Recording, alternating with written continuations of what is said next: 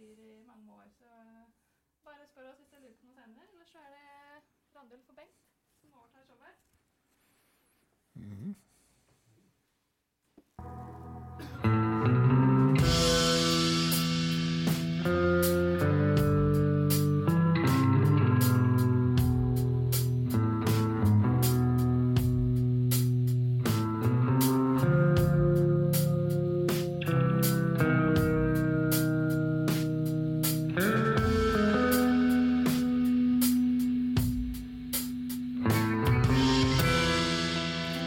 Hei, og velkommen til episode 198 av podkasten Uteliv.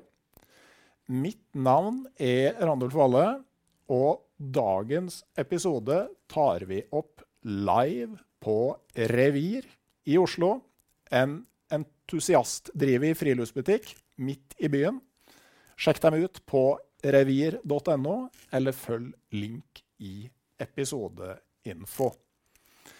Hjertelig velkommen til dere som har kommet. Tusen takk for at dere eh, ville være med her. Det var usedvanlig stas. Vi skal snakke om lange skiturer i dag. eh, For mange, ikke minst av podkasten Utelivs lyttere, har jo en sånn drøm om å gjennomføre en skikkelig lang skitur. Kanskje så lang at man kan kalle den en ekspedisjon når man skal snakke om den når man kommer hjem igjen. Og i dag skal vi se nærmere på to konkrete alternativer til en sånn skitur. Den tradisjonelle grønlandskryssinga og det som i dag ofte benevnes som Nordvestpassasjen. Skituren mellom inuittbosetningene Cambridge Bay og Joe Haven nord i Canada. Og med meg i dag så har jeg en person som har kryssa Grønland et dusin ganger. Det er fint å kunne bruke det begrepet. Har gått fullengdeturen til Sydpolen to ganger, tror jeg. Uh, har massevis erfaring med ski og pulk på Polhavet.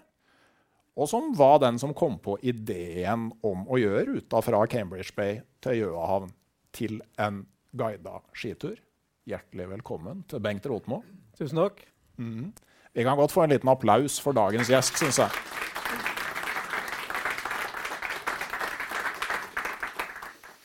Vi har egentlig nesten bare møttes når vi har spilt inn podkast de siste årene. Ja. Det, det er litt trist, egentlig. La oss få en endring på det før det går altfor lenge. Jeg tror det. Det er litt sånn upgrade det her nå. For Forrige gang så lå vi på under skjørtgran oppe i Verdalen. Ja, enten upgrade eller downgrade. Det kommer an på øyet som ser. Det er eneste gangen jeg har, eh, skulle vært på bårnatt ute og har hatt med motorsag. og det var jo da et resultat av at uh, jeg var på tur med skogeieren. Eller, hvert fall- ja. Så det, det er kun i de tilfellene det er et eksempel til etterfølgelse. Uh, men jeg begynner som jeg normalt gjør. eh, Bengt. Uh, har du hatt en fin tur eller naturopplevelse nå i det siste? Ja, den Siste turen jeg var på, det var jo det var jo her i Oslo, på Eventyraften. Det var jo en fantastisk turopplevelse.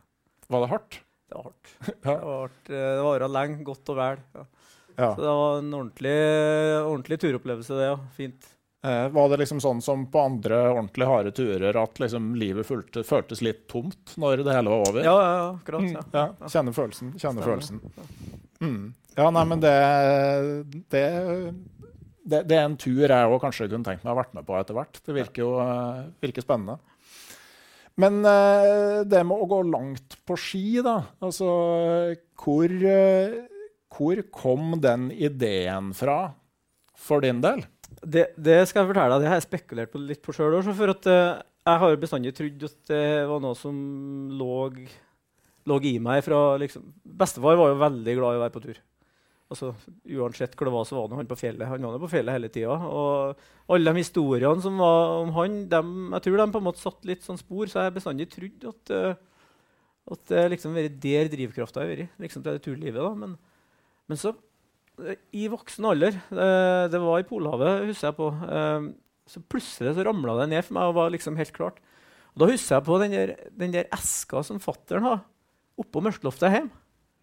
Han var sjømann, nemlig. Når han, var, han var jo bare guttungen når han var på, på sjøen og farta rundt omkring. Og nedi den eska der så lå det sånne rare ting. Det var sånn uh, vimpler fra hele verden, og så var det en sånn sølvdollar fra 1921 fra statene. da. Og Spesielt den vimpelen fra New York. Den var sånn, så gnistra øynene på meg. Så det er den der lysten til å få reise. Det er faktisk der det ligger. Men det har jeg funnet på etterpå, men så, så har det, det er liksom utbastonert at det blir lange skiturer.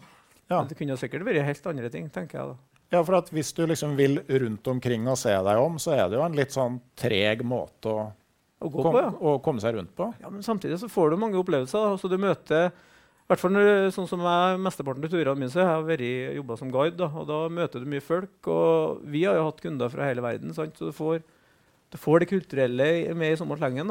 Du får uh, vite om andre kulturer mens du er på tur. Jeg er på Grønland. da. Det kan være fra uh, hvor som helst i verden. Så du får mange historier der. da. Mm. Så det er folkene som er med på tur. De er med på en måte å bygge turen. Da. Så, men det var jo sikkert første gangen så var det jo liksom for å være, være på lang skitur. Det er jo ikke å stikke under stol, det. Men det har endra seg underveis. da.